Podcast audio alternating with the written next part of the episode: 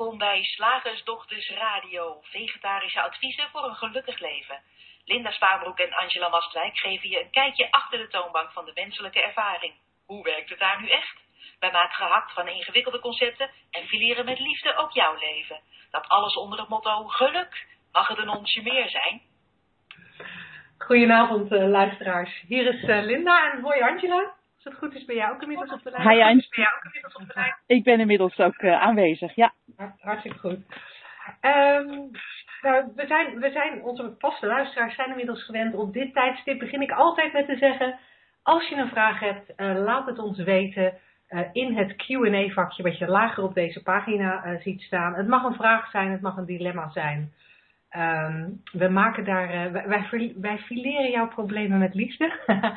en uh, mocht je live in de uitzending willen komen, geef ons dan ook even je telefoonnummer erbij. Dan kunnen we je in de uitzending halen. Uh, later vanavond om een uur of acht zal dat zijn.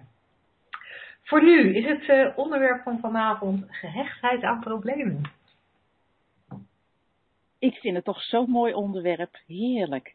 En ook, uh, het lijkt denk, leidt denk ik ook tot een soort ja, praktischheid als je dit doorziet.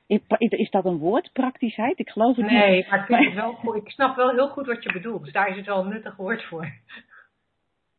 Want, ik weet niet hoe dat uh, bij jou werkt, Linda, maar ik maak heel vaak mee in conversaties die ik heb. En waarin ik natuurlijk ook verwijs naar, waar jij ook naar verwijst in jouw conversaties met jouw cliënten. Naar de, de basisprincipes van de menselijke ervaring, hoe wordt dat gecreëerd. Wat eigenlijk alles heel erg simpel maakt. En ook alle situaties en problemen oplost. Mm -hmm. En dan krijg ik heel vaak terug, ja maar. En voor mij is dat, kan dat op twee dingen wijzen. Of het is nog niet goed gezien of niet in dit geval doorzien. Of er is inderdaad gehechtheid aan het probleem. Een soort vraag ook, wie, wie ben ik eigenlijk zonder dit? Want er zijn natuurlijk, ja, best mensen die een heel groot deel van hun leven besteden aan één bepaald onderwerp in hun leven. Wat jij altijd noemt uh, mijn, mijn, mijn favoriete stressgedachte of zo. Ja.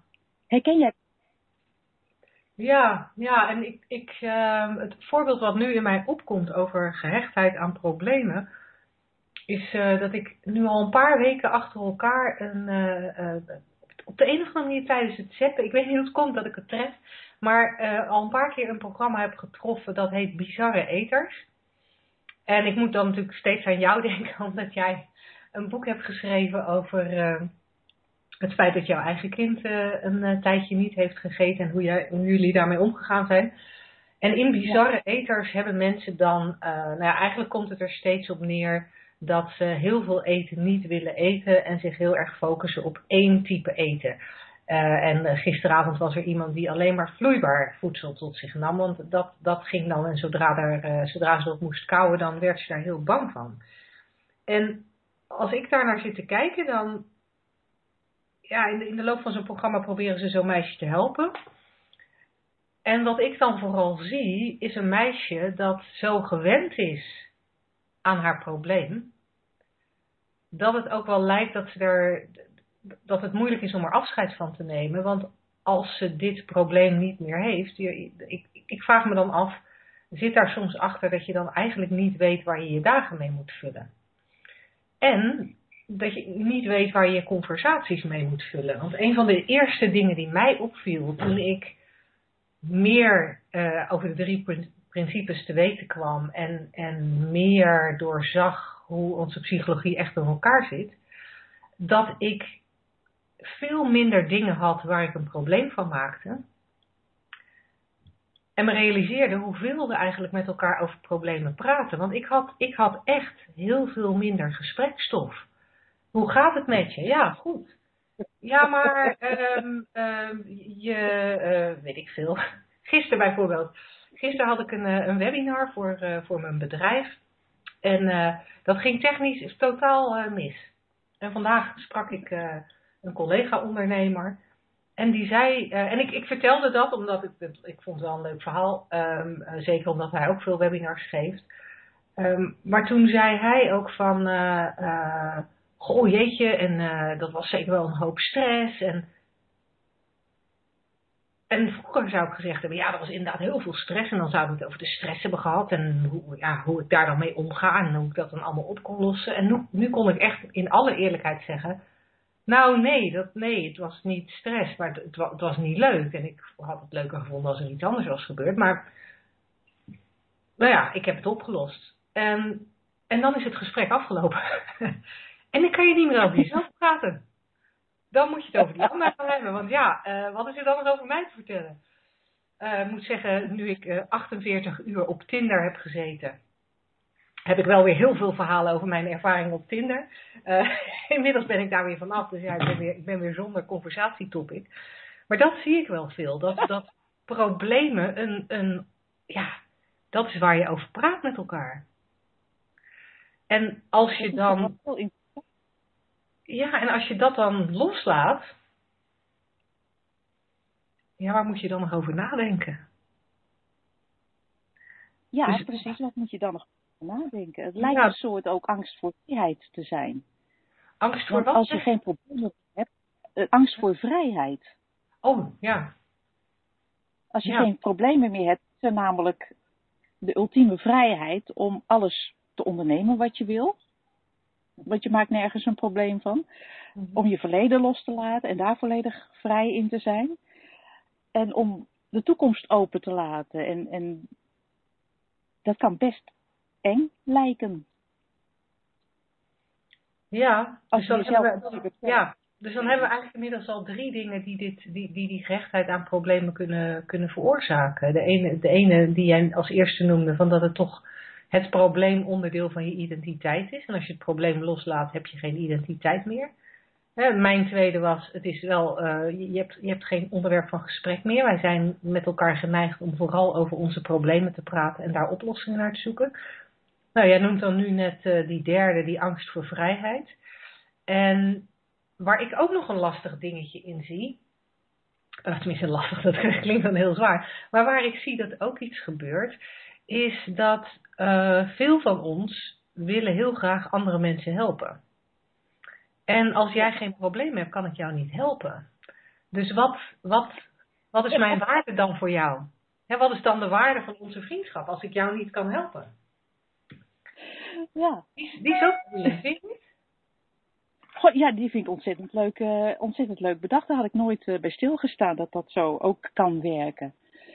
En ik, wat in mij opkomt is een gesprek wat ik, ik één jaar of twee jaar geleden gehad met een, met een, uh, een hele familie die bij ons kwam om hulp. En het was fascinerend om te zien hoe eigenlijk het, een van de kinderen daarvan had problemen in de zin van eetproblemen, bulimia, anorexia, verslavingsproblemen, you name it. En zij had het geslikt, gesnoven of gespoten. En het een na het ander uh, volgde elkaar op. En uiteraard praten wij in de richting van de Three Principles, zoals jij en ik doen. En wij wezen op het feit dat het kind gezond was, geestelijk, ondanks alles wat er gebeurd was, was het onbeschadigd en had het, net als alle andere kinderen, de mogelijkheid om andere stappen te nemen om het denken te doorzien en daarmee van verslavingen af te komen en een vrij leven te leiden.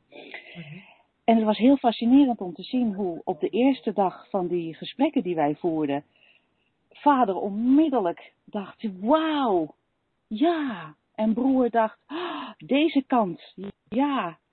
En het was alsof, er een, alsof ze met de hele familie in een soort huisje stonden met drie muren en één open kant. En vader en zoon draaiden onmiddellijk naar de, naar de, naar de opening, naar de vrijheid. En de moeder bleef maar met haar hoofd tegen die drie muren bonken. Ja, maar ze heeft ook uh, dat en dat gedaan. Ja, maar dochter heeft ook, ze is ook daaraan verslaafd geweest. En als ik haar vrij laat, ja, dan gaat ze misschien dat ook nog doen. En ze kan niet zelfstandig. En moet je eens kijken wat er allemaal is gebeurd. En ik dacht, oh, wat, ontzettend interessant om te zien hoe jij niet durft om te draaien. En, en begrijpelijk hoor, want er was zoveel gebeurd daar. En die mevrouw kon niet, niet direct die switch maken naar, naar de vrijheid. Maar het was ook een onderdeel, zoals jij ook zegt, van haar identiteit geworden. Om de moeder te zijn van dat kind. En dat dat allemaal, nou ja, daar ging haar hele leven over. En ik kon ook zien dat daar dus een soort gehechtheid in zat. Ja. En dat is een, uh, een interessant fenomeen en uh, het mag anders. Het mag anders en het kan ook anders. En, uh, Vertel. Nou, nou, kijk. nou, wat ik, meer, wat ik meer en meer ga zien. wat lach je? Nee, wat, ik, wat ik meer en meer ga zien is dat um, wat ik percipieer als een probleem ook een gedachte nee,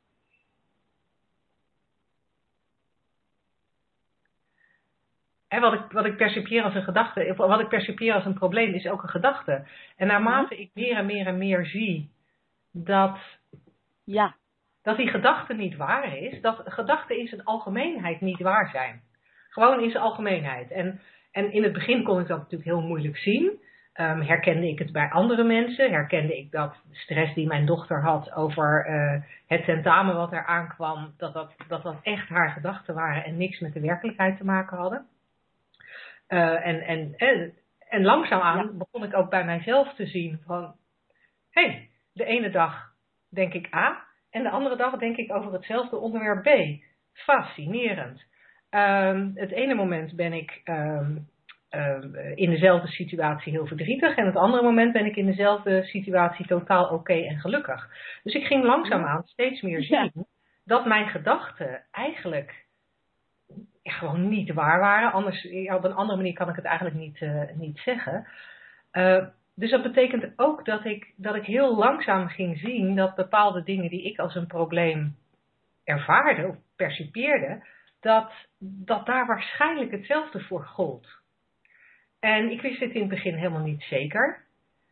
Uh, dus, dus daar ben ik best wel heen en weer in gegaan. En het is natuurlijk ook nog eens zo dat wij wel in deze menselijke ervaring zitten. Dus we zullen altijd denk ik wel iets als een probleem blijven ervaren. Uh, want, want, verlichting, ik weet niet of dat bereikbaar is uh, uh, voor ons.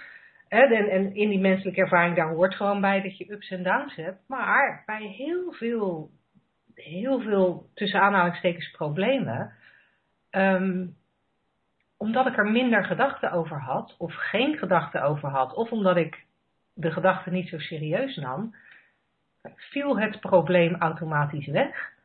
En daar waar er nog wel een probleem overbleef, had ik dan toch altijd wel een beetje wantrouwen naar de echtheid van het probleem. En op het moment dat je dat je, je eigen probleem een beetje wantrouwt, is die, heeft hij ook al minder macht over je, heb ik het idee. Dus dat is wat er bij mij gebeurd is. Hoe, hoe is dat voor jou?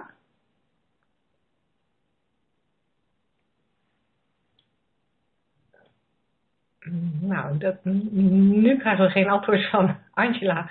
Dan is het heel fascinerend wat er aan de hand is. Je bent al wel ja, op de heel mooi.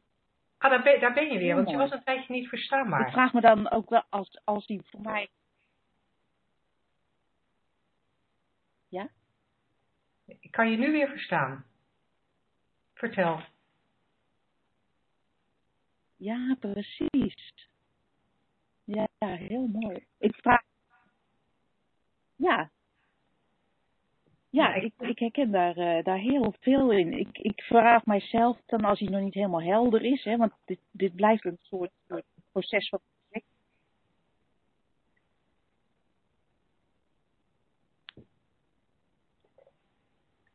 Nou, ik merk dat Angela's internetverbinding dermate slecht is dat we haar eh, Oh, regelmatig nou, ik weet ook niet waar dat dan ligt. Hoor je me nu weer? Eh, nu hoor ik je wel, maar ik heb eigenlijk niet jouw reactie kunnen horen Hallo, hallo? wat ik vertelde. En het lijkt Oh, alsof je- hartstikke goed. Ja, ik, Oké. Wat ik altijd handig vind om mezelf dan af te vragen is van waar is dit probleem buiten mijn gedachten? En ik kan het nooit vinden. Dat is hoe het ook buiten mijn gedachten is een, een probleem. Oh ja, dat is ook mooi gezegd. Ja, ja dat het probleem echt alleen maar in gedachten eh, eh, eh, bestaat.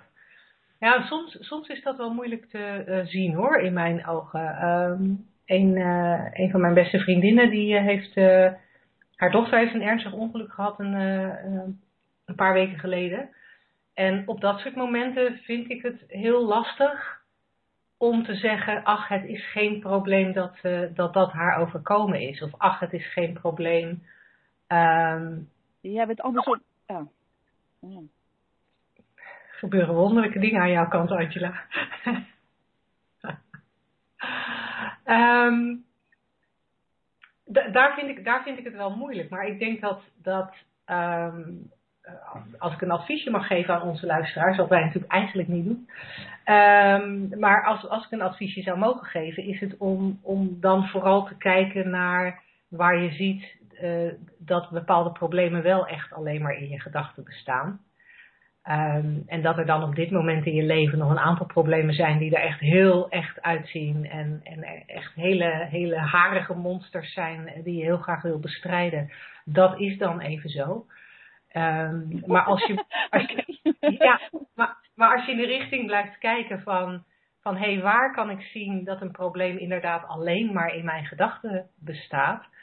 Um, mijn ervaring is dat je, dat, je het, dat je het dan langzaamaan op steeds meer plekken gaat zien.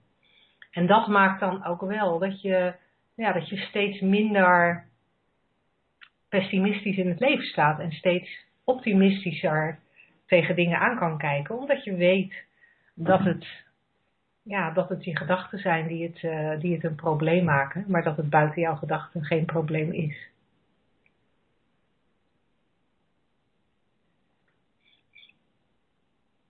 Zullen wij over naar het volgende item?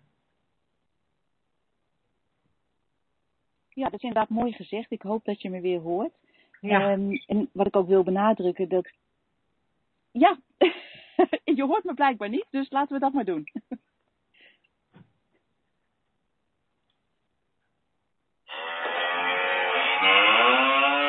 Slagersdochters, wat zit er in de leverworst?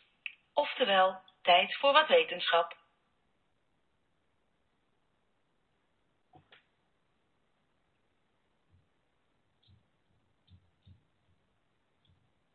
Angela. Ja, ben ik nu verstaanbaar, Linda?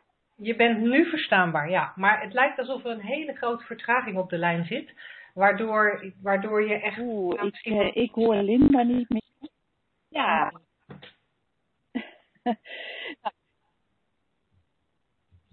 oh.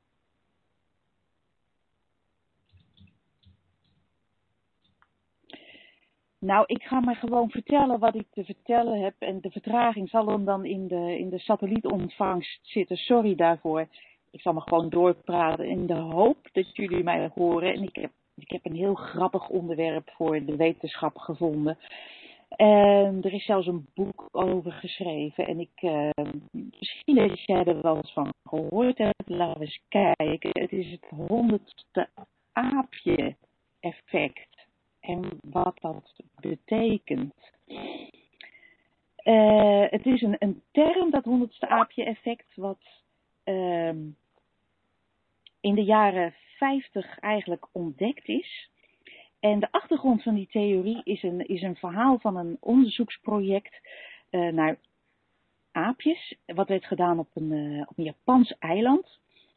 In de jaren 50 dus gingen daar wetenschappers naartoe en die begonnen die aapjes te voeren. En met zoete aardappels. Veel van die aardappels die vielen dan op de grond en dan kwam er wat zand aan. En dat vonden die aapjes niet zo lekker. En een aapje op een gegeven moment, ik, kan aardappel afvullen, dan eet ik hem wel lekker zonder zand op. Aapjes vinden blijkbaar net als wij knarsende tanden niet zo fijn. Dus een van de aapjes begon met uh, het oprapen van die aardappels en voordat hij ze in zijn mond stak, wassen die ze in het water. Andere aapjes zagen dat, of dat nou een, een, eh, een gevalletje van kennisoverdracht was, of dat dat gewoon afkijken was, dat, dat is niet duidelijk. Maar in ieder geval steeds meer aapjes in de omgeving van dat eerste aapje begonnen hun aardappeltjes te wassen. Nou, en wat nou het interessante is, op een gegeven moment was er dus een groep apen die allemaal hun aardappeltjes wasten voordat ze ze opaten. En toen werd dat gedrag automatisch overgenomen door apen die helemaal geen contact hadden met deze groep apen. En men zegt dan, nou dat was toen ongeveer 100 apen dit gingen doen. Begonnen aapjes op andere eilanden, die dus totaal geen fysieke contact hadden met deze groep apen, ook hun aardappeltjes te wassen. Nou, dat is natuurlijk een interessant fenomeen. En men zegt dus, maar het is nooit helemaal wetenschappelijk goed onderzocht, alhoewel er wel een boek is over geschreven. Men zegt dus, dit is weer een van de bewijzen dat er een soort veld om ons heen is, waardoor we met z'n allen verbonden zijn. We hebben het daar natuurlijk in deze radioshow al eerder over gehad. Over uh, uh, de verbondenheid van, van de kleinste deeltjes in het universum, van, van de energie in de Three Principles zeggen we natuurlijk ook dat we in de kern allemaal één zijn en met elkaar verbonden zijn, omdat we uit dezelfde bron voortkomen. En dit honderdste aapje fenomeen zegt dus ook, er is een soort veld om ons heen, ze noemen dat met een, met een heel mooi woord het morfogenetisch veld, waarin dus informatie wordt opgenomen, maar ook gedrag, als het door een groot, door een door de groep die het gedrag vertoont, genoemd, wordt overgenomen door groepen die dus misschien contact hebben. Dat zou ook verklaren volgens, uh, volgens volgens uh, het artikel dat ik erover heb gelezen, is dat er bijvoorbeeld wetenschappelijke ideeën op hetzelfde moment op verschillende delen van de wereld ontstaan. Alsof er verschillende mensen zijn die op hetzelfde moment met hetzelfde idee in hun hoofd komen. En men zegt dus, naar aanleiding van dit honderdste aapje-fenomeen, nou dat is niet omdat die mensen persoonlijk dat apart van elkaar bedenken, maar het is soort dat alle informatie aanwezig is in dat morfogenetische veld om ons heen. En op een gegeven moment is het dus zo dat er op verschillende delen van de wereld mensen toegang daartoe krijgen op hetzelfde moment, zoals die aapjes op het andere eiland toegang kregen tot de informatie over het wassen van aardappeltjes, dat het geen tandenknars opleverde. En zo is het dus ook, zegt men, volgens deze theorie, dat uh, de informatie uit dat veld dan beschikbaar is op verschillende plekken. Dus wij verzinnen eigenlijk niks zelf, maar we pakken die informatie uit, uit dat veld wat, wat daar al is. En of dat nou een, uh, ik heb niet het hele boek gelezen, maar ik kan me zo voorstellen dat dat ook een, uh, twee kanten op werkt. Dus dat er ook informatie uh, doorgegeven wordt. En dat zo te zijn in het geval van, de, van het wassen van de, van de aardappeltjes. En wat ook interessant is, dat uh, dus dit soort gedrag dus niet alleen op dat moment wordt overgedragen, maar ook een soort in uh, ja, men zegt dan degene, maar waar dat dan in verschilt van dat, uh, van dat veld, dat weet ik niet. Dat het ook wordt overgedragen op volgende generaties. Dus dat de aapjes die worden geboren uit die groep van die eerste honderd aapjes en ook uit de groep op de andere eilanden, dat die automatisch geboren worden met de wetenschap uiteindelijk, als zij daar fysiek toe in staat is, aardappeltjes moet je wassen voordat je ze eet. Nou, ik vond het een, uh, ik vond het een heel leuk onderwerp en ook heel interessant eh, met betrekking tot het feit dat wij dus eigenlijk zelf niets hoeven te bedenken met ons uh, beperkte brein, maar dat alle informatie gewoon beschikbaar is. En dat zou ik ook kunnen vastknopen aan ons onderwerp van hoe je problemen oplost, eigenlijk. Want stel nu dat je ziet dat er buiten jouw kleine brein, buiten jouw gedachten eigenlijk geen problemen zijn, dan zou het zomaar kunnen zijn dat je voor die gedachten blijft en een soort toegang hebt tot wat wij je eigen wijsheid noemen. Maar ik vind dat ook wel gewoon wijsheid die in zo'n morfogenetisch veld zit, mooi woord, en die jou dan in staat stelt om op te staan en precies die handelingen te verrichten, of juist niet als dat niet nodig is, om uh, de situatie of uh, het feit wat je liever anders zou willen zien op te lossen. Linda, wat vind je hiervan? Als, heb je het gehoord? Ja, ik heb het allemaal gehoord. en gelukkig kunnen wij via Skype ook met elkaar chatten terwijl, um, terwijl jij aan het praten was. Want even full disclosure naar onze luisteraars. Angela was al lang met klaar met praten toen wij nog naar ik, waren. Ik hoor jou niet terug, dus ik hoop dat je mij nog wel hoort. Want anders is het hele wetenschapshoekje in duigen gevallen. Dat zou ontzettend jammer zijn. Ehm Vandaar. Maar ik geloof dat er niet zo heel veel meer over, uh, over te vertellen is. Tenzij het zo'n vertraging is dat jij nu ondertussen mij aan het uh, beantwoorden bent. Maar dat je nog, ja, dat jouw woorden op dit moment ergens zweven tussen de satelliet en mijn uh, stem. Ja, en dat, is, dat, dat blijkt dus inderdaad het geval. Dus ik denk dat Angela en ik elkaar maar seintjes moeten geven via de Skype-chat wanneer de ander kan, uh, kan gaan praten. Want er zit dus blijkbaar echt seconden en seconden en seconden uh, vertraging uh, tussen. Um, ja, Antja's laatste vraag waar ik op wilde reageren was uh, ja, wat, wat ik hier dan zo over denk als ik dit zo beluister. En um, wat, wat ik vooral heel interessant vind, is dat vanuit de drie principles wordt er gesproken over thought, consciousness en mind. Uh, waarbij thought natuurlijk gedachte is, consciousness bewustzijn en mind, ja, wat wij hier in deze radioshow de universele levensenergie noemen. En waarvan eigenlijk niemand weet wat dat precies is. en vanuit de drie principles wordt vaak naar mind verwezen als, als inderdaad dat, ja, dat veld waar, waar alles vandaan komt. Waar ook gedachten vandaan komen. Waar ook originele gedachten vandaan komen. Uh, en nou ja, dat vind ik een interessante connectie met dit verhaal. En wat ik ook heel interessant vind is dat Angela even, even tussen neus en lippen door zei.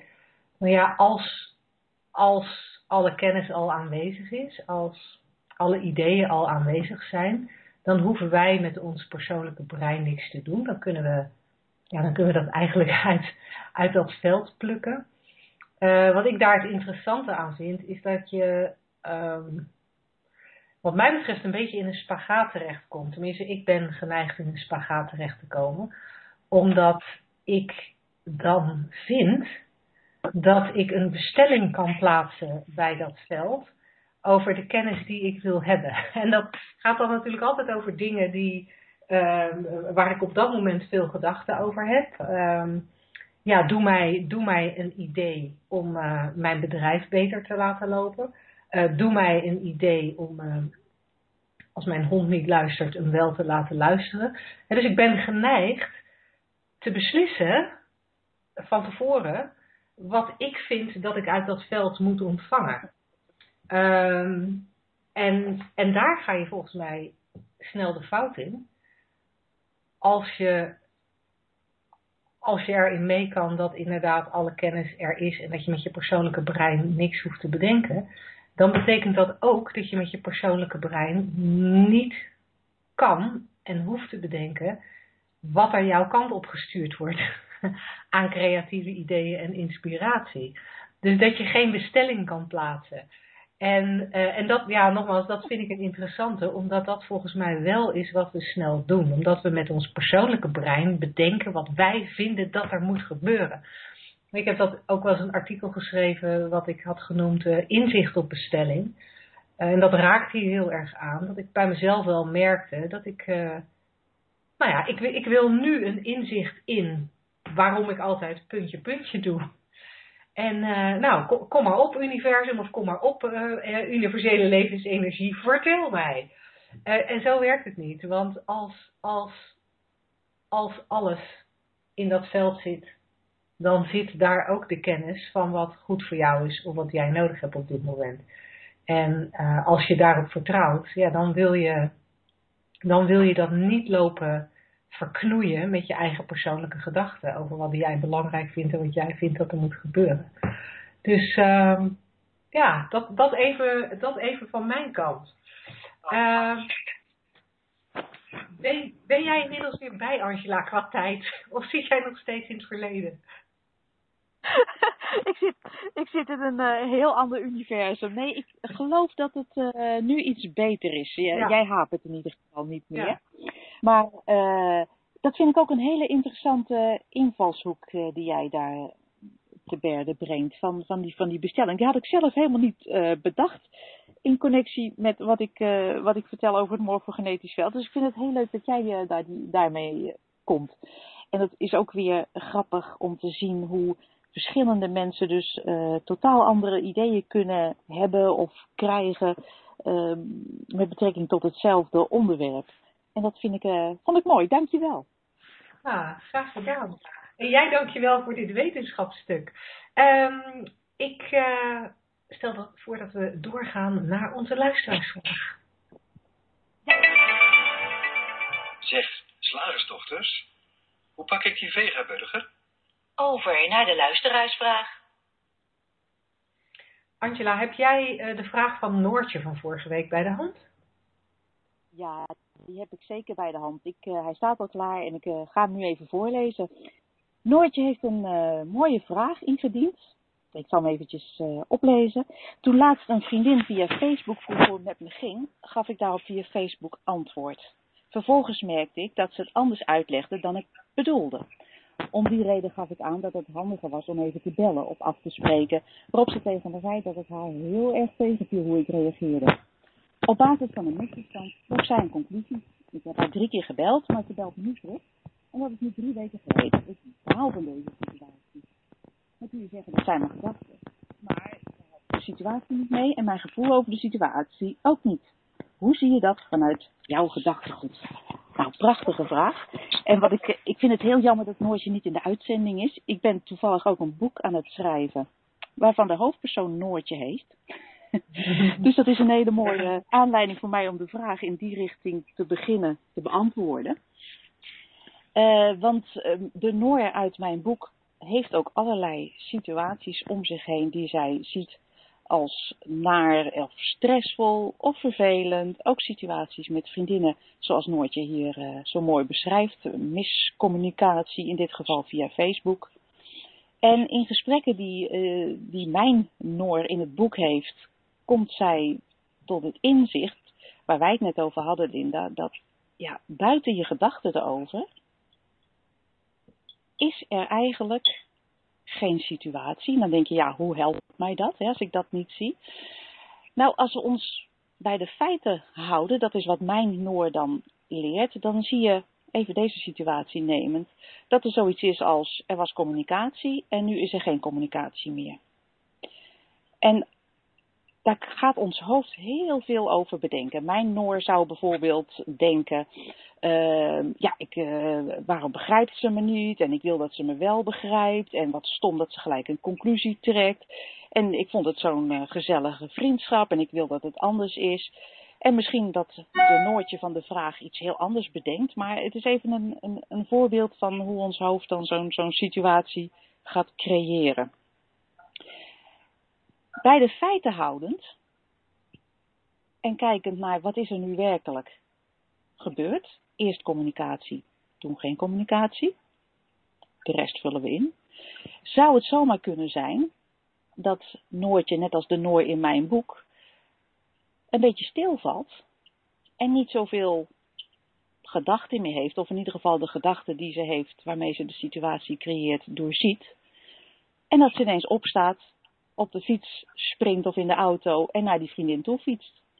Of het kan zijn dat ze vanuit diezelfde ruimte en helderheid en stilte ineens denkt, ook schrijf een brief, en dat kan natuurlijk ook. Dat is natuurlijk, het zijn maar twee simpele voorbeelden. En ik heb uh, de wijsheid niet om Noortjes leven te leiden. Maar ik weet wel dat Noortje de wijsheid heeft om Noortjes leven te leiden. En, en uh, ja, te bewegen in een richting die handig is voor alle partijen. Dus ik denk uh, dat in mijn boek zou dat het antwoord zijn. Linda. Ja, ik vind het een heel, uh, een, vind een heel mooi antwoord, ook omdat je zo heel helder schetst van, ja, kijk naar de feiten. En dat is natuurlijk wat we vaak, wat we vaak niet doen. Um, we, we verzinnen heel, heel ontzettend vreselijk veel rondom feiten. En ik had van de week eenzelfde soort situatie. Ik WhatsAppte iets aan een vriendin. En toen kreeg ik als antwoord dom. En toen was ik vrij verbijsterd. Um, ja. En ik dacht. En, nou, toen, en toen mijn, mijn aanvankelijke reactie was om op de gedachtentrein te stappen. De gedachtentrein van.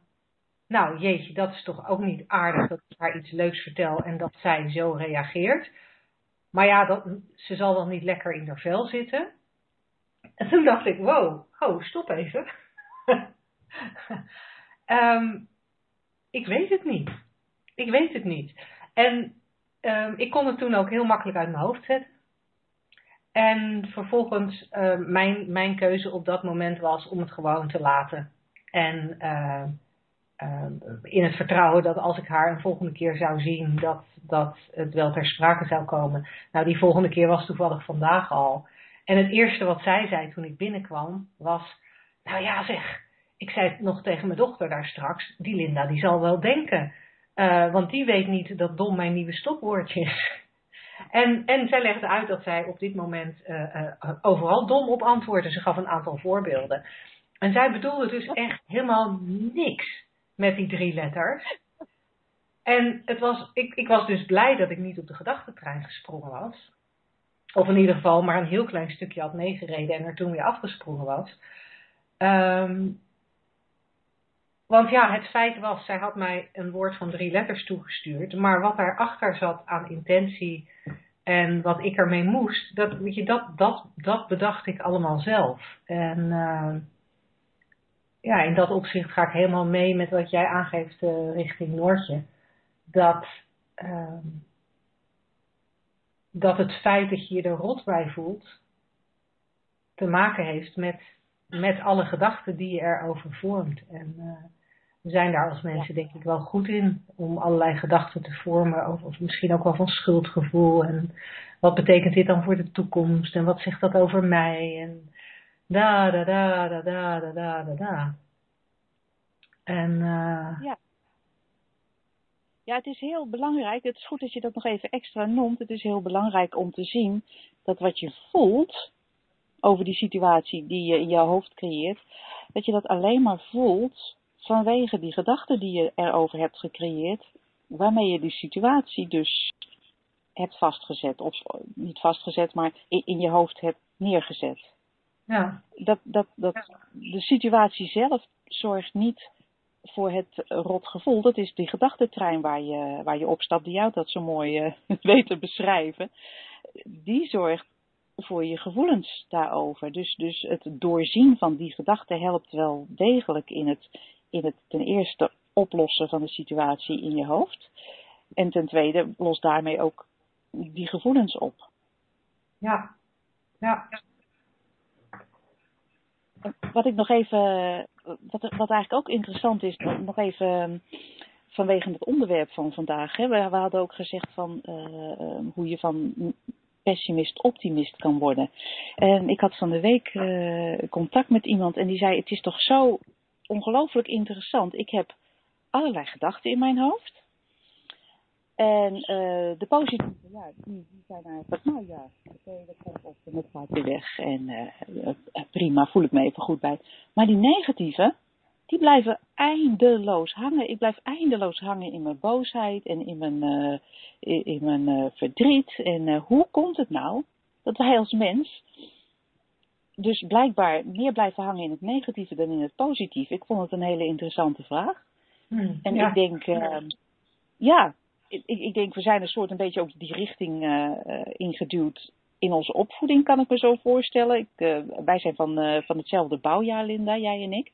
Hmm. En ja, ik weet nog dat het vroeger, tenminste bij mij thuis, ik weet niet hoe dat bij jou was, toch best wel gebruikelijk was om, als alles goed ging, om dan te denken van, ja, het kan nou wel goed gaan, maar... ja, ja, hey. Hoe we de ja. Ja. ja, in het Engels zeggen ze dan altijd waiting for the other shoe to drop. Ja, ja. ja, wacht maar tot het misgaat, zoiets. Uh, hoe zie jij dat, Linda? Nou, ik herken dat uh, ik, ik herken dat, hè, dat, dat, dat we daartoe geneigd zijn. En ehm, in dat in, zeg maar, als je, als je dat denkspoor volgt, uh, in het kader van gehechtheid aan problemen, er schieten eigenlijk een paar dingen door mijn, uh, schieten een paar dingen door mijn hoofd. Het ene wat uh, door mijn hoofd schiet is, ik moet, het, ik moet het even opschrijven, die andere even opschrijven, want anders weet ik hem zo meteen niet meer. Um, is dat we, uh, en dat is misschien wel door de natuur ingebakken, uh, graag veilig willen zijn. Uh, want je moet veilig zijn voor je voortbestaan. En ik heb een beetje de indruk, maar dat is even mijn concept hè, dus maak er vooral je eigen concept van. Ik heb de indruk dat omdat die veiligheid zo ingebakken zit, en wij die enorme hersencapaciteit hebben gekregen, die enorme denkcapaciteit hebben gekregen, um, eigenlijk meer denkcapaciteit dan we nodig hebben om veilig te blijven, dat we dan vanuit ja, een overdreven behoefte aan veiligheid die, die denkkracht veel gaan inzetten en van allerlei gevaren gaan bedenken en allerlei gevaren menen te zien, uh, ja, die, waar we dan op willen anticiperen om, om toch maar veilig te zijn. Dat is het ene wat ik, er, ene wat ik erbij bedacht. En het andere wat ik erbij bedacht was dat.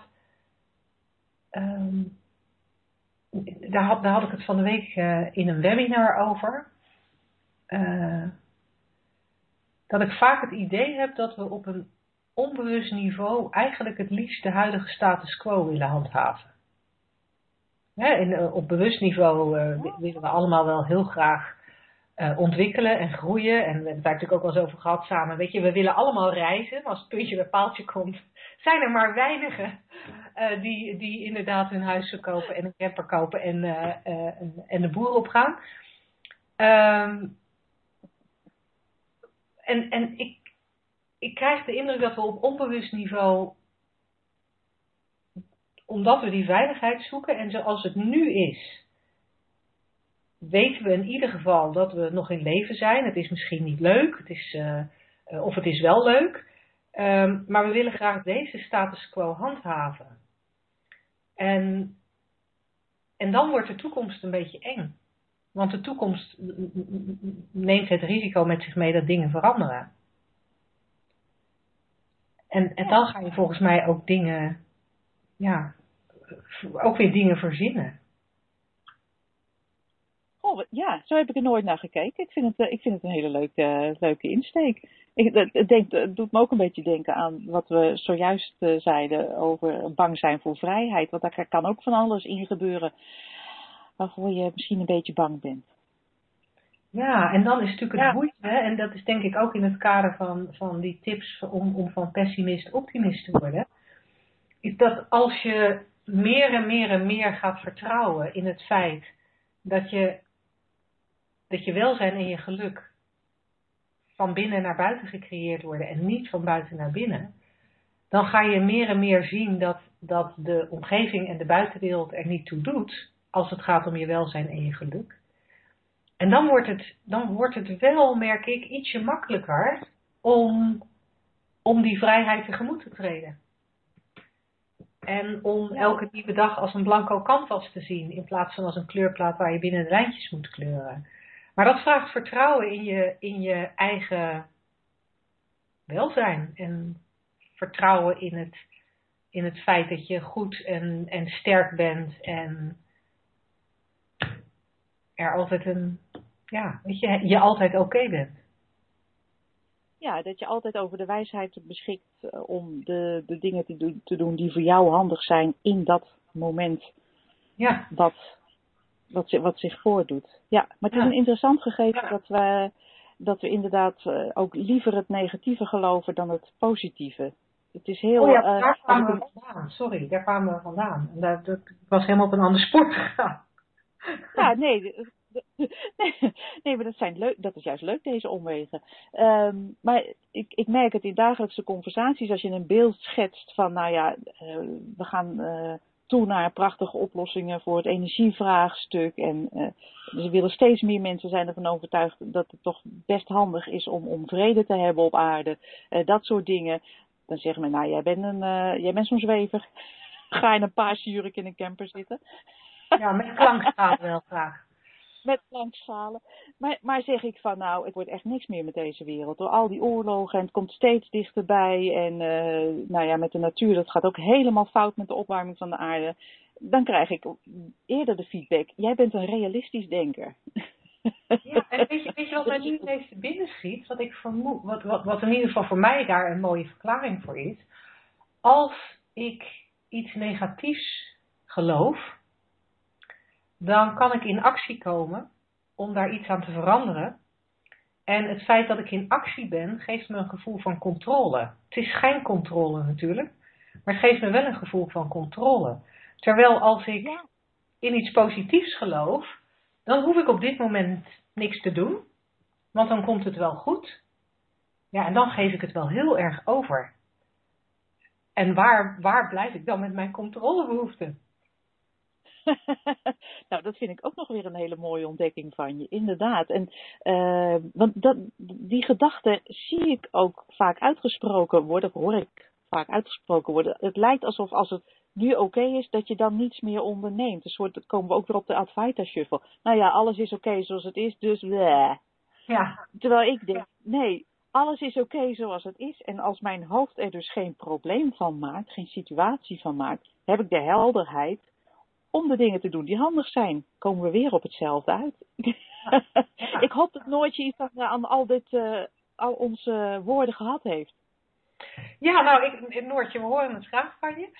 En uh, dan gaan wij naar ons laatste onderdeel van vanavond. Woensdag, gehaktdag. Zeg slagersdochters, welk concept gaat er vandaag door de molen? Ja, en vandaag hadden wij als uh, formaal concept, het is belangrijk om de juiste keuzes te maken. Oeh, dat is een hele grote volgens mij. ja, maar hij is wel heel belangrijk. Het is ook belangrijk dat jij nu het goede antwoord geeft, Angela. ja, het lijkt of het leven vol keuzes is. Ik moet ook gelijk denken aan de keuze voor een studie bijvoorbeeld. Ik heb zelf, uh, mijn oudste zoon, die is, uh, nou het lijkt erop zowaar dat hij gaat afstuderen dit jaar, maar hij is wel aan de derde studie al bezig. En uh, mijn andere zoon, die is ook geswitcht na één jaar naar een andere studie, of hij doet ze allebei tegelijk, dat is mij niet helemaal helder.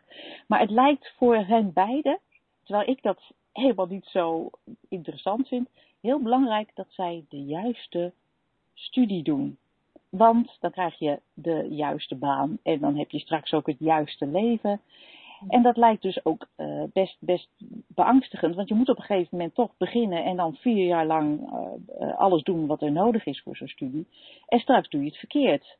Dat zag ik bij mijn oudste zoon heel erg. Van, oh, na één jaar uh, kunstacademie. Oh, nee, had ik nooit moeten doen. Vreselijk. En dat leek een heel, uh, heel dingetje. En natuurlijk zijn er uh, meer van dat soort schijnbaar grote keuzes in het leven. Waarbij het echt lijkt, nou ja, als je, als je dus het verkeerde pad kiest. Nou ja, dat brengt een heleboel ellende met zich mee. Ja. Terwijl ik, zoals ik er nu naar kijk, denk. Ja, het, ik, ik, wil niet gelijk zeggen, uh, die keuze maak je helemaal niet zelf. Er wordt gewoon een keuze gemaakt. En je denkt dat jij dat zelf doet. Want dan zijn we gelijk uitgekletst over dit onderwerp. maar... even meegeeft. maar uh, ik denk dat het helemaal niet zo belangrijk is. Omdat, zoals jij net al zei, het maakt voor je welzijn niet zoveel uit in welke omstandigheid je je bevindt leven is verandering. Dus ja, ga je een keer een, een, een, jaar een studie in die toch niet lijkt te bevallen, ja, dan ga je wat anders doen. Het lijkt, mij, het lijkt mij gewoon dat keuzes niet meer zo heel, heel erg belangrijk zijn. Ten eerste omdat je welzijn er niet van afhangt. Ten tweede omdat je volgens mij die keuzes niet eens echt zelf maakt er lijkt gewoon op een gegeven moment een keuze te ontstaan. Maar dat, is, dat gaat wel heel ver misschien in het kader van deze radio-uitzending. En dan is er nog een derde aspect dat ik denk, leven is altijd oké. Okay. Doe maar lekker wat. We doen toch allemaal maar wat. Zoiets. Heb, Ja. heb jij nog een vier? Nou, nee, ik heb niet zozeer een vier, maar ik vond het wel leuk om nog heel eventjes door te mijmeren over die juiste keuzes. Ehm, omdat we, eh, ik, ik, ik zie ook wel dat er verschillen zijn tussen mensen in eh, de mate waarin ze het belangrijk vinden op een bepaald onderwerp de juiste keuze te maken. Ik, eh, zo'n, zo'n ding als studie is voor veel mensen heel belangrijk. En als je dan niet kiest zoals mijn zoon op dit moment doet, dan, dan raakt je omgeving daar ook ernstig van in de war. Want ja, je, je hoort wel een keuze te maken. en eh, ik denk dan, ja, geen keuze is ook een keuze. Maar hè, die grote dingen, en ja, het is keuze voor je partner. Maar ik zie mensen ook heel, heel eh, veel verhalen in hun hoofd eh, maken over wat in mijn ogen kleinere keuzes zijn. Waar gaan we naartoe op vakantie?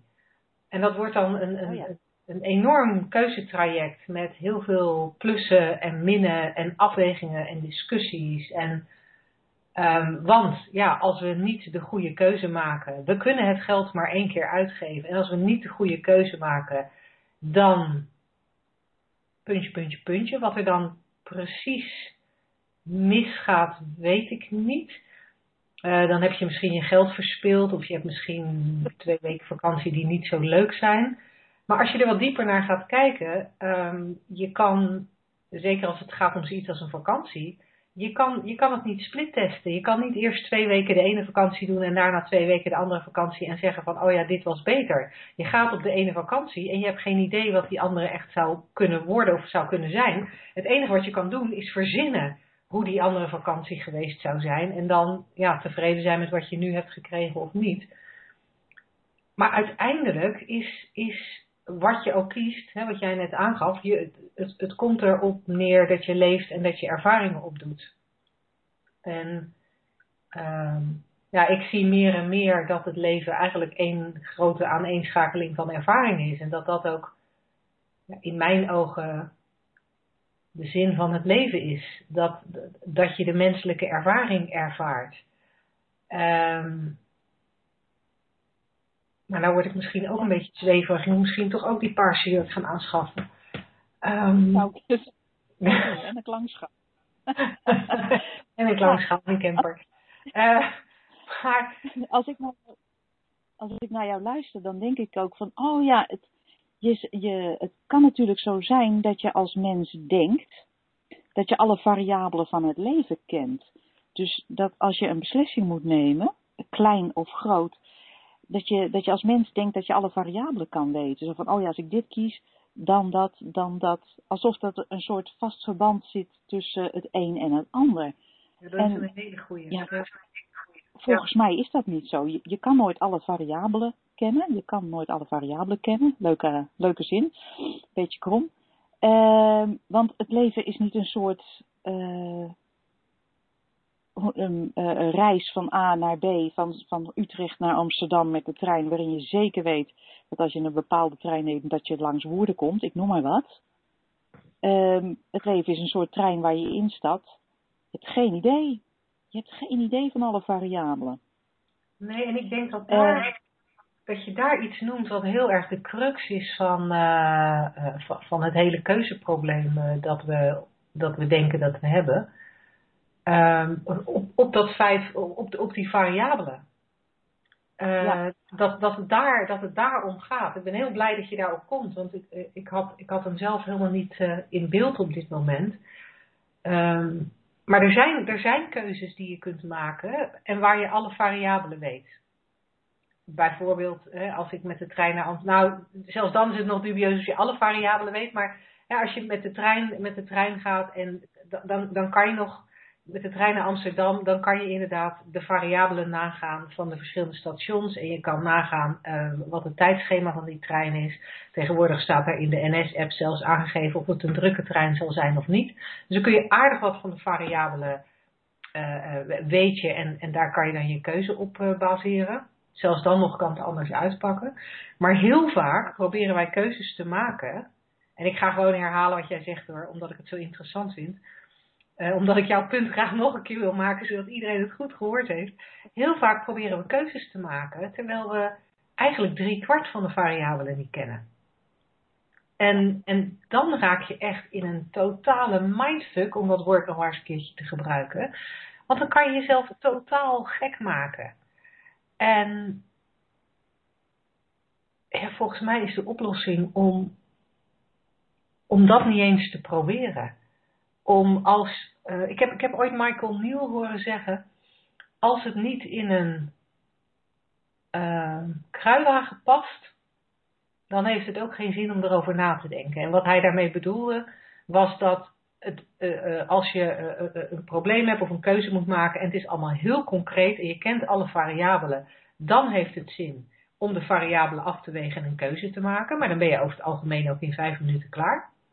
En op het moment dat je niet alle variabelen kent, nou denk er dan maar niet eens over na. Punt.